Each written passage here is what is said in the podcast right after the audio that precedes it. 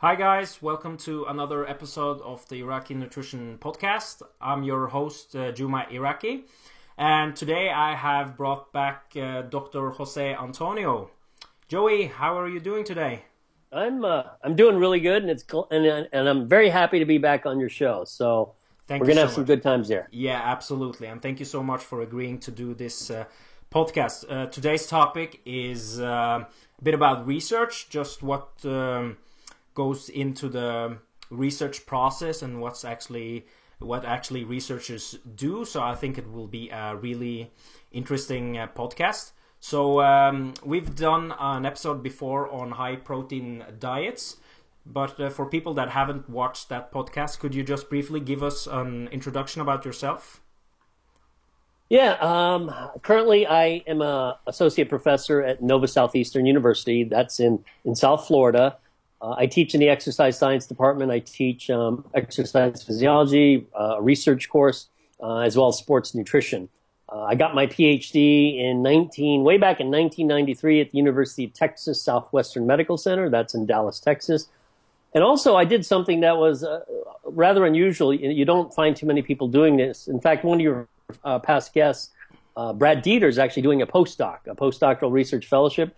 I actually did one as well in the field of metabolism and endocrinology.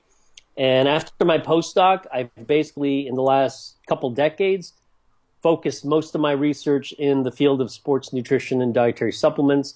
Uh, in addition to that, I've also, you know, done some work uh, with athletes. Initially, oddly enough, way back when with bodybuilders, this is back in the 90s, but I've really shifted my focus more into the endurance sports, mainly because I myself like to do uh, a particular endurance sports, which, uh, which, you've seen. You know, I posted on Facebook. I do quite a bit of uh, stand-up paddling, uh, paddleboarding. I even uh, compete in some of the local road, uh, some of the road, I was about to say road races, some of the local races that are in, obviously it's in the ocean. And I actually work with some elite uh, uh stand-up paddleboard racers. And in fact, I'll talk a, a little bit about uh, one of my friends uh, who I helped. she, I helped her train for the, it, you would, you would almost call it the Super Bowl of paddling. It was a race, a 32 mile race. I don't know what that is in kilometers, but it's really far uh, from Molokai Island to Oahu in Hawaii, and it's right. It was basically across the ocean. So um, I do, you know, a lot of my science friends. Uh, we do similar things in terms of we not only do research in the lab, but we actually work with athletes. And I think, at least in the United States, it's actually quite common. I don't know what it's like elsewhere, but you know, we actually seek to work with athletes. And I think all of us who work in the sports science field, we uh, also are athletes ourselves, or and I think our interest in the science part stems from our original, you know, love of athletics. So, um, so we try to do a little bit of everything, some of the applied stuff and also some of the lab stuff. Yeah, excellent. And I think it's a great uh, thing that you mentioned this because you often hear of people when uh, when a new study is presented on um, exercise or nutrition, and people say, well, these scientists don't know anything of how the real world works. They're just lab rats and they don't work with athletes. They don't have any athletic backgrounds. And I was, I saw this posted on Facebook um, last week actually from someone. And I started to think for myself is that I don't actually know uh, any research scientists in, in, in sports that haven't had an athletic background or haven't uh, worked with uh, with athletes because you see like especially in the UK you see a lot of the researcher they work closely with a lot of the soccer teams like Liverpool mm-hmm. is a good example of that where uh, Dr. Graham Close and uh, Dr. James Morton has been working really close for them with a for a couple of years. I don't know right. if uh, I don't know if uh, Dr. Close worked so much with, with Liverpool. I know that James uh, James Morton did a lot, but uh, right. Um, they worked close together, and I know that um, uh, Dr. Close was probably doing more with the, with the uh, rugby team, right? Right. Yeah, I believe so. And, and, and I mean, like for instance, some of my closest friends, uh, one of my fellow colleagues at Nova Southeastern University, uh, uh, Corey Peacock, he played football, mm-hmm. American football in college. And he currently works with the Black Blackzilians MMA team here in South Florida. And for people who follow MMA, they know the Black Blackzilian gym. Uh, yeah. Uh, one of my good friends, Jeff Stout, he's at the University of Central Florida. He's a black belt in judo. He competed in judo. Uh, actually, his kids also compete in judo. And uh, I don't know if you've interviewed Darryn Willoughby yet. He's probably Yeah. the largest scientist in the world. Yeah, I actually had uh, when when we recorded. I I know that you said in advance before I interviewed him that he was he was probably the largest scientist that I would ever do a podcast with, and I was like he barely fit in the screen when we did the, we did he was I was really impressed with the size of him, and I've also seen a couple of pictures of him as well. Yeah. Well, you got to tell him to stand like 20 feet back. yeah, yeah, exactly to get him uh, in the frame. Yeah, but you know, like you said, I think a lot of us. That's why we're in this business. Why we study sports nutrition and sports science. We love athletics. I mean, I I almost would find it hard that you would study it, but you don't do it. Like you don't find a sport or exercise you like to do. To me, that's kind of odd. It's like well, that's why all of us study this stuff because we want to understand either why we can or cannot do a certain skill or athletic event. Yeah, exactly. And and one thing that I think a lot of people might actually not know is a lot of um, a lot of researchers they do a lot of studies to um, that would benefit their athletes, and the studies actually never get published because they don't want to give all the secrets away. Right. And also, they do studies to benefit themselves. Yeah, exactly. they want to see what they can do to help themselves. So, Yeah. yes, it goes both ways. Yes. Yeah, exactly. Okay, let's start off with the question. And the first question is: is how would you how would you define a, a scientist? Um, you know, that's an excellent question. In fact, it, it actually comes up in my, I teach a research methods class at the university. And, and more often than not, someone will say, well, okay, people call themselves scientists, but what exactly is a scientist? You have all these people on social media claiming to be evidence based or scientific. Uh, does that make them a scientist? And in a sense, you know, the, the term scientist, uh, there's no, put this way, there's no legal definition for it. If, if, you, if your grandmother wants to call herself a scientist, you know, be my guest. Anyone can call themselves a scientist. So what I'm going to do is really define it the way professional scientists in the field of sports science or sports nutrition science, how they work. And it, and it typically is this. I mean, most scientists either have a PhD and, and in some rare instance, you might have a medical degree, but there's not many MDs who do research in sports science. So typically they've gone through your traditional schooling, get a PhD, work at a university for the most part, or they work at a private clinic. But let's start with universities because that seems seems to be the most common way of of, beco- of being a scientist. Um, typically, you have to have a research agenda, and if and you're familiar with a lot of the scientists uh, throughout the world, you know, some might focus just on one supplement. Let's say it's protein. Some might focus on on heavy resistance training, looking at periodization schemes, you know, different types of, of, of weight training regimens. Others might have a much broader scope and look at like nutrition in general. So ha- having a research agenda, I think, is just one aspect of being a scientist. So let's say, like for instance, in our lab at Nova Southeastern, I've been focusing a little bit on protein, but I'm starting to also expand it to looking at things like the gut microbiome as it relates to probiotics, um, and even studying uh, training for stand-up paddleboarding. So there's what I call my research agenda. Now you have a research agenda, and typically within the university to get a study started, you have to go through a process. Which what's interesting is a lot of people aren't familiar with this, particularly if they've never worked at a university. You have to get approval through the university uh, submit something called an IRB, which is an institutional review board, and, an, and a proposal. And basically, the university has to be allowed to do this with uh, a minimal amount of risk or to minimize the risk to human subjects. So you got to get it approved the university. If you happen to do animal research, believe it or not, oftentimes the standards are more strict. In fact, a lot of my original work when I was doing my PhD and postdoc was all on animals, and they were very strict as to what you could or could not do with animals. So, again, a lot of this stuff has to get approved before you even start to do the study. So, let's say you submit it. This can take anywhere from a month to God, four, five, six months, and that's the part people don't see. They don't realize just before you even start it, you've already spent at times half a year trying to get this thing sort of honed down and approved. So you get it approved and then you actually go through the process of research. And I think this is where I think a lot of people in social media they don't understand sort of the trials and tribulations of doing actual research. And and I think experience is a brutal teacher. It's um, explaining the research process to someone who doesn't do it or has not done it it's sort of like explaining how you swim without ever going into the water. It's one of those things where you can sort of write down the bullet list. This is what do, we do. But if you don't actually do it, it's just kind of a weird thing. And, and believe it or not, one of the hardest things to do, at least in terms of dealing with human subjects, is recruiting them and keeping them. And you think, well, that's got to be easy. You know, people all want to volunteer for studies. Well, they all want to start a study, but a lot of them would just want to quit because they don't want to stick with it. I mean, and you just build that into your proposal, you know, getting subject dropouts and things like that. So let's say you get the study approved, you do the study. Typically, the process after that is you present the study at a conference, whether it's a conference in Europe, a conference in North America. It doesn't really matter as long as you present it. And then if the data is interesting enough, you publish the study. And again, it goes through that peer review process depending on which journal it goes into. It can take anywhere from a few days to sometimes all over a year. So the peer review process, it's certainly not perfect, but it's the best thing we have for now. Um, so going through those steps is what the traditional, and I'll call it the professional scientist does. Now, someone asked me in class, they said, well, if you're published, does that make you a scientist?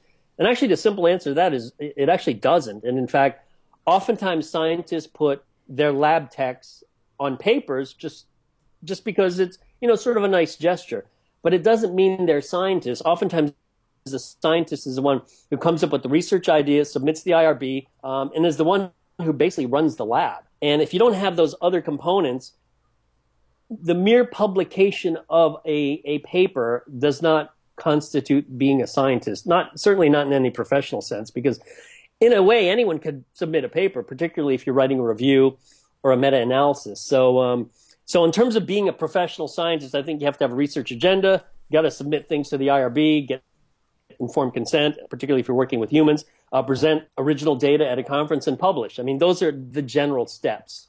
Excellent.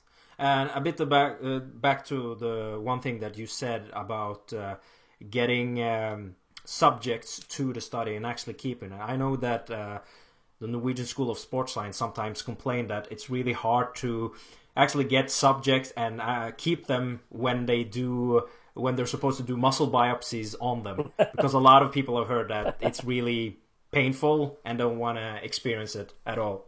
And you uh, uh, and you can't like really force people to stay in the study as well. So no. not so that's another um, another issue that a lot of people because like you said it's I think a lot of people don't understand how much work goes into uh, actually doing the research and the whole process of getting it approved and then getting it uh, published as well and it's really easy to just sit on the on social media and just pick pick the papers apart and criticize all the yeah. things that weren't done and that should have been done without realizing that even though uh, research is a good thing, it also has some limitations to it.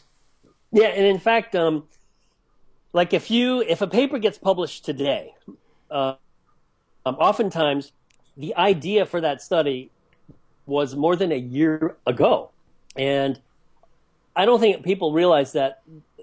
In a way, scientific research doesn't proceed super quickly. Yeah. We come up with all these ideas, and you know, I tell I tell people who want to get studies done on a particular supplement or whatever, think think in terms if you want something published next year, you got to start something right now. Yeah. And for a lot of people aren't familiar with the process, they're like, "Wow, that's that's a real long timeline." I'm like, "Actually, that's a normal timeline."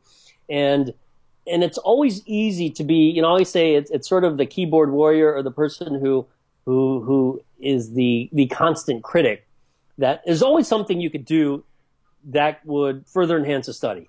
But you got to think of research as sort of a, a sort of uh, crawl before you walk, walk before you run process, where you don't do the most complicated thing first, you do the simplest things first. In fact, uh, and then after you do that, you sort of build upon that. Like, like for instance, the the high protein diet stuff. The first study I did on that was how about we just get a bunch of guys and girls just to eat a lot of protein and see what happens. Simple, simple stuff. See what happens. Then the study that built from that would be okay. Let's get a bunch of guys and girls eat a lot of protein, but now we're going to change their training program. Yeah. So it, everything is sort of this stepwise process of building up. Whereas one study comes out and people are like, "Well, why didn't you train them this way? Why didn't? Why did you? Why did you get moderately trained people? Why didn't you get really highly trained people? And it's it's like, well, yeah, you can do all those things. I mean, but I, I would say give it a shot, try it, and see how successful you are. But but no one ever does the most. Well, let's put it this way: no good scientist ever picks the most complicated thing first. They do it sort of in a stepwise fashion. It's almost like telling a story. You got to start with the introduction before you get to the body, before you get to the conclusion. There's a series of things you got to go through. You don't just just do everything at once. It would make no sense that way, and it would be a waste of time, actually. Yeah, exactly. And I think uh, sometimes when these um, acute studies gets published, a lot of people are really quickly to just say, "Oh, this doesn't matter. It's just."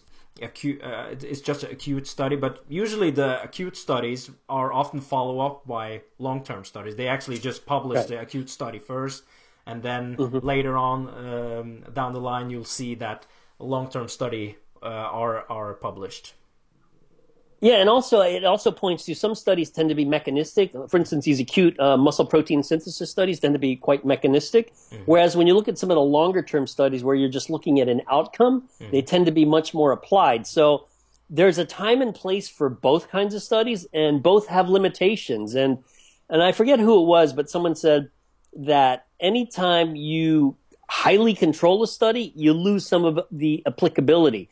Anytime you have a very practical study, you lose some of the control.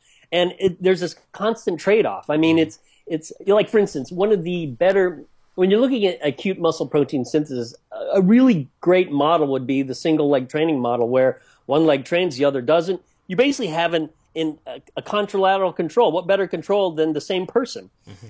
Of course, the trade-off is no one trains like that. They're like, well, who trains just one leg? Yeah. But again, you you you're sacrificing control for applicability. And in fact, the same thing can be said for animal research. I did, um, um, a lot of people aren't aware of this, but I've had research experience with goldfish, rats, cats, dogs, quail, and guinea pigs. Oh, so that's, I think that's seven animals.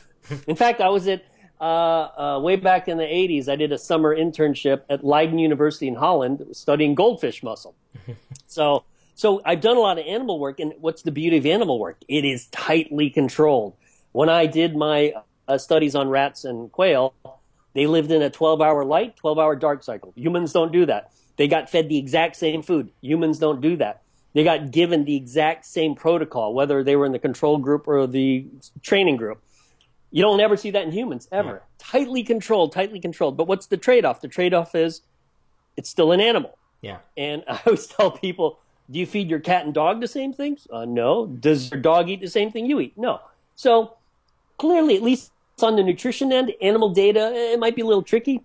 On the training end, animal data might actually be more applicable. Um, but again, the food and nutrition stuff, I mean, particularly all these studies with rats, uh, you got to be a little careful with interpretation. But I think when you're dealing just with pure muscle physiology, I think the animal data is really interesting. Yeah. Again, very tightly controlled. Yeah, exactly.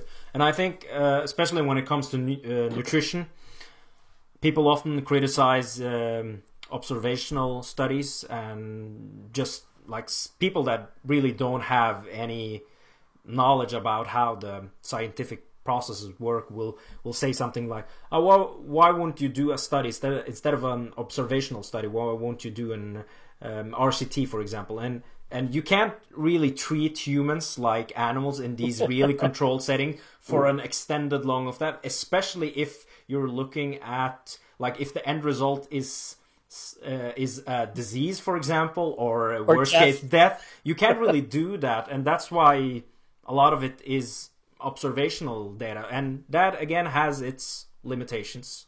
Right. It, it definitely has its pros and cons, and and you know, for instance, if you look at some of the coffee data, it's all observational. Mm-hmm. People who drink X amount of cups of coffee, they live longer, they have less type 2 diabetes. Obviously, it's not interventional, it's clearly observational. You know, and is it are there limitations? Yeah, there's crazy limitations, but you're not going to do. Imagine this: you're going to get 500 people to volunteer for a long-term coffee drinking study, and they will be randomized into coffee drinking and non-coffee drinking. Hmm. The people who are randomized into non-coffee drink are going to kill you. They're going to be like, "No, I want to drink my coffee." Yeah. you know, so, yeah. so clear limitations to it. And I think this is where a lot of the weird arguments come in, particularly when you look at observational studies on red meat. Well, red meat does this. Well, no, red meat is safe.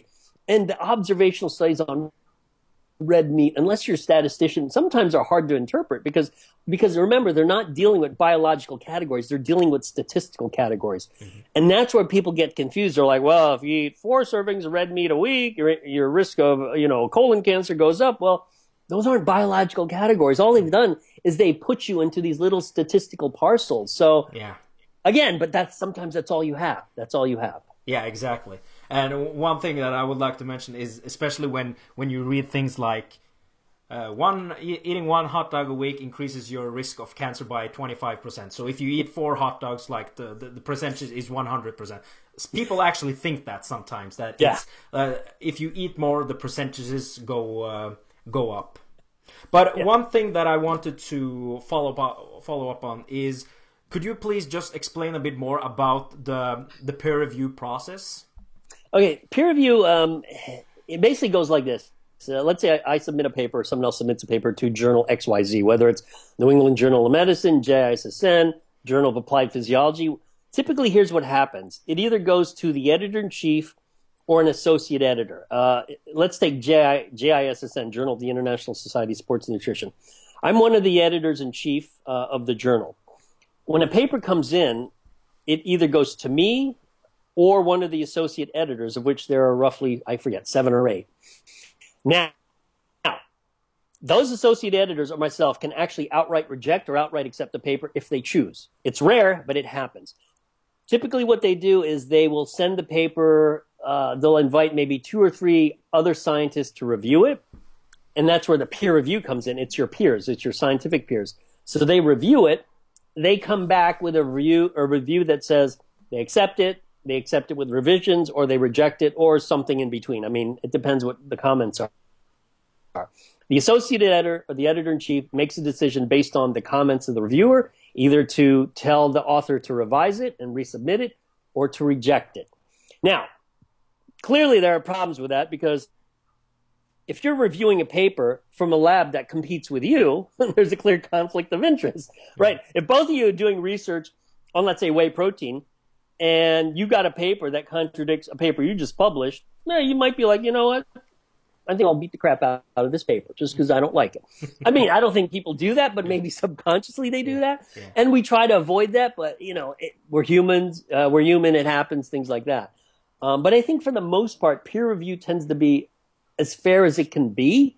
Um, it's not perfect and it's it's one of those things where scientists actually volunteer their time and that's what people forget. They're not getting paid to review these papers. It's purely voluntary.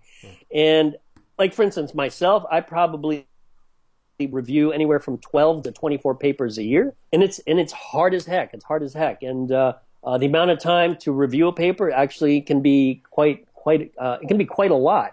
Um, so that's the process. And it's you know i've sort of shortened the time frame because you know sometimes it takes up to a year to get a paper published sometimes just a few days. It really depends really depends on the journal. Now i will say with jissn a lot of editors in chief will want to see every paper that comes through. I don't. I'm like in fact i tell the associate editors if you want to accept it on your own do it. Don't tell me. If you want to reject it on your own do it don't tell me you guys are smart enough to figure out if a paper is really bad or really good because if I have to look at every paper that comes through, it's like I won't have time to do anything else. I won't even have time to go to the beach, and I need to go to the beach. Yeah. So, you know, so um, I give a lot more latitude to the reviewers and the associate editors, whereas others are much more like uh, uh, they're more micromanaging, mm-hmm. which I hate. I hate micromanaging, and um, you know, they got to have their hands into everything, and uh, I don't know how people have time for that, to be honest. So. So with JISSN, it's it's the if you submitted a paper, Juma, I couldn't even tell you half the time who it goes to. Mm-hmm. I don't know who the associate editors who has it, and I don't even know who the who the reviewers are of the paper. I mean, I could probably, if I tried hard enough, I could probably find it. But it's one of those things where you know what, we'll let the associate editor handle it, and you know, let the process sort of take care of itself. Okay. And uh, why do people have issues with uh, reviewer number three? with reviewer number three, yes. Um, well, it could be reviewer number one too. Yeah. Here's what I typically do: if two people review a paper and one rejects and one accepts, I usually send it to a third reviewer. Yeah. Um, if two people reject it, then it's done. Uh, if if two people accept it, then it's accepted. But it's you know who the who the most uh, cr- not critical, the most uh, God, not difficult. Uh, uh, they're the ones who tend to be the most, I guess. I guess the word's critical of a paper, uh, and I'm going to give you some choices. The professor who's been doing research for 30 years, the grad student, the master's degree student, or the newly minted PhD. Who do you think is going to be the toughest? So, grad student, master's uh, master's degree, newly minted PhD, professor for 30 years. The PhD, I think. Um, believe it or not, grad students oftentimes are the worst. Oh, really? And the newly minted PhD because they got to prove something. yeah. Here's what's interesting: guys have been, guys and girls have been doing research for like 20 or 30 years. They're like, you know what? Okay, there are limitations. We know it. This part could be better, but overall, it does add something new to the literature. Yeah. So we could beat the crap out of it, or we could tell them, hey, improve it this way, and you get published. So it's. I remember having a conversation with a friend of mine, and I can't mention the name because people know what paper it was. But he said, "Man, he he, he emailed me. He says." Do you happen to know who reviewed my paper? I'm like, no, but I guess I could look it up. And, and he said, please tell me it wasn't a grad student or someone who just got a PhD. Yeah.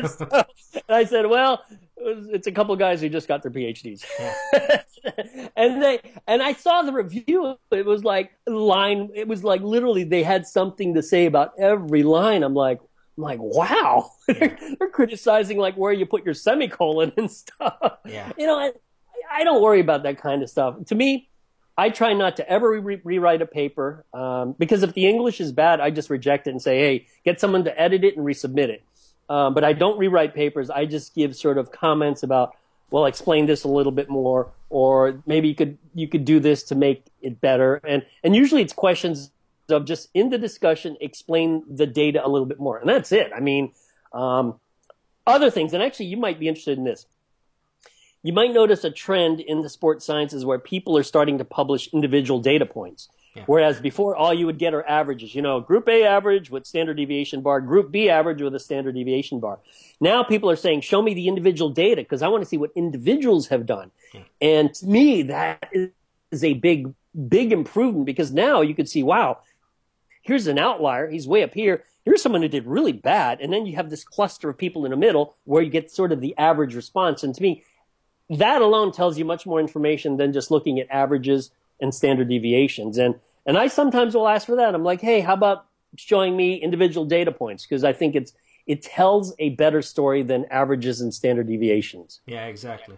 I think uh, it's it's a pub uh, study by uh, Ron Maughan from I think it's from 2003, where they looked at um, fluid intake and sweat loss to, for a Premier League soccer team, and they have the um, individual data points there. And the funny thing is, when you look at it, the guys that were sweating the most were drinking the least, and the guys Oh, that were yeah, and the guys that were um, drinking the most, uh, no, the guys that were yeah, the guys that were drinking the most were sweating sweating the least. So it was really opposite of what you you should have done. So And, people, and you know what? You'd never see that if all you saw were the averages. yeah, So exactly. yeah, so that's So- cool. I mean, yeah. that's really cool data. Yeah. And sometimes if if you work with like if you work with athletes and you see some people criticize, oh, uh, there were some outliers there, but sometimes these outliers might be the athletes that you're actually working with, and that might be pliable for them because they usually are the ones that stand out from the crowd. Yeah, and, and I always say you can learn a lot from the outliers Yeah, exactly. because there's something weird going on there. Yeah. Oh. So after you've done the um, peer review process and it get published, it uh, finds its way to social media. It finds its way on Facebook, and then uh, That's the peer real review number two. peer review number two, and then the real criticism starts. So what, like for people that comment a lot on on Facebook and criticize studies, uh, like what would be the the take home message that you would want to to to tell them of the thought process they should go through before starting to criticize a paper? Well, I think what I would suggest they do is first look at every study sort of uh, as a big picture thing. What important or, or significant piece of information can I get from this particular study? And when you look at it sort of from the big picture, you tend to pick less on the minutia. Instead of nitpicking little details, you're like, oh, okay. Like for instance, there was that recent study, I think it was Tipton's lab, showing that 40 grams of protein did better than 20 grams of protein in terms of acute muscle protein synthesis. Yeah. Which which is different than the original study showing that you seemed to plateau at 20 and 40 didn't help didn't help much more. And they were So- doing full body um, Right. split as well. Right. And, and here's the thing. It's like, okay, the exercise stimulus was different. So that should be something to keep in mind. And also, to me, rather than focusing so much on the nuances and minutiae of the study, think about what would be, if I were a scientist, what would be the next thing to do? And, and I would say, well, if, if, if 40 grams of protein helps more when you're doing whole body exercise, how much would it help if you're doing not only whole body exercise, but really just very difficult exercise? Because when you think about it, usually the kinds of exercise that are that are in studies are are not quite as hard as what you see competitive athletes do. Yeah. I mean, have them do something really hard, and maybe maybe it's 50 grams. I mean, who knows? Yeah. but but people tend. I remember when the 20 gram study came out. People were like, "Well, see, all that extra protein you're drinking is just a waste of time or a waste of money." And it's like, well, no, it's not a waste. And and two, it's just one study. And three, the exercise stimulus was really quite limited. So you have to sort of you know think beyond just the the minutia of the de- uh, the uh, the details of the study and think big picture. Now, I would say every study is easy to criticize. It, it is. In fact, that's one of the first things you learn in graduate school. It's like, you know what? There's no perfect study. If you want to beat them all up, you can beat them all up. It's easy to do. It's very easy to do. And so I think uh, for those who have never done research, they should sort of sit back and think, what could I learn from the study versus how could I show everyone I'm so smart that I can point out the limitations of the study? And you know what? That's that's easy to do. Anyone can point out limitations of a study. Yeah, exactly. When it comes to the the final question of the day is um, let's talk a bit about the um, hierarchy of of evidence because I know that you see these pyramids where you'll find um, uh, meta-analysis and systematic reviews on top, and then it uh, goes down from there. And I know you have some opinions about that. Could you please share it with us? Yeah, the uh, you know you'll see this hier- hierarchy of evidence that people at the top though in terms of the importance of of, of, of, of information in science that typically at the top you'll see uh, reviews or meta-analyses and under that you'll see randomized controlled trials or RCTs and then below that you'll see other things like observational studies case studies animal studies whatever. And to me it's you almost have to separate uh, reviews and meta-analyses and pull it out of the pyramid and here's why reviews and meta-analyses are basically just snapshots of, of the current evidence available. It's sort of like you got a camera, you got a subject, you take a picture, and that's all you got. You got a picture. But without a subject, there is no picture. Hmm. Without RCTs, particularly in our field, there is no science. If you remove every RCT from the sports science category, not only is there no science, there's no reviews, and there's no meta-analyses. So the thing that makes science rock and roll control are the randomized controlled investigations or original investigations. Without the RCTs, reviews and meta-analyses are just a waste of time. And in fact, um, if you want to, I would say, if you want to make an original contribution to the field, it has to be in the form of, of an RCT because that's that's what moves a field forward. And I, it's just so funny. You always see that hierarchy, and it's like, and as a scientist, I look at it, and I'm like, this is total baloney. Who thinks this?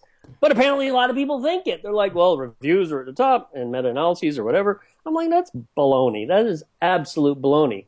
Um, if you want to change a field, it has to be through an RCT. And let me give you some concrete examples.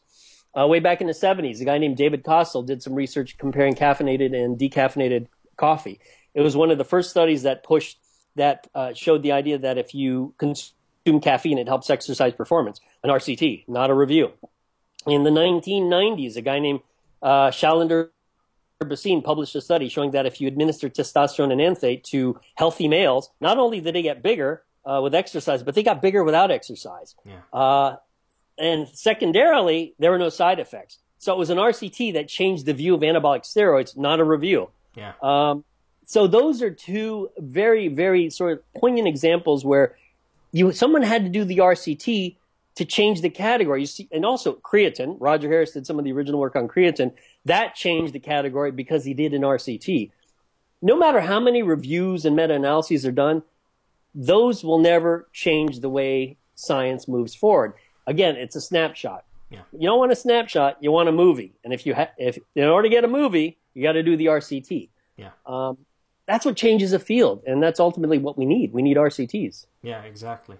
And I'm currently doing the IOC diploma in sports nutrition, and what they teach us there is try to read as much original data as possible. And the way that they actually teach us to use the um, meta analysis and the review is when you want to actually investigate a new topic, read the reviews and the meta analysis first, so you will get an overview of the literature, Yeah. and then start to read the original data.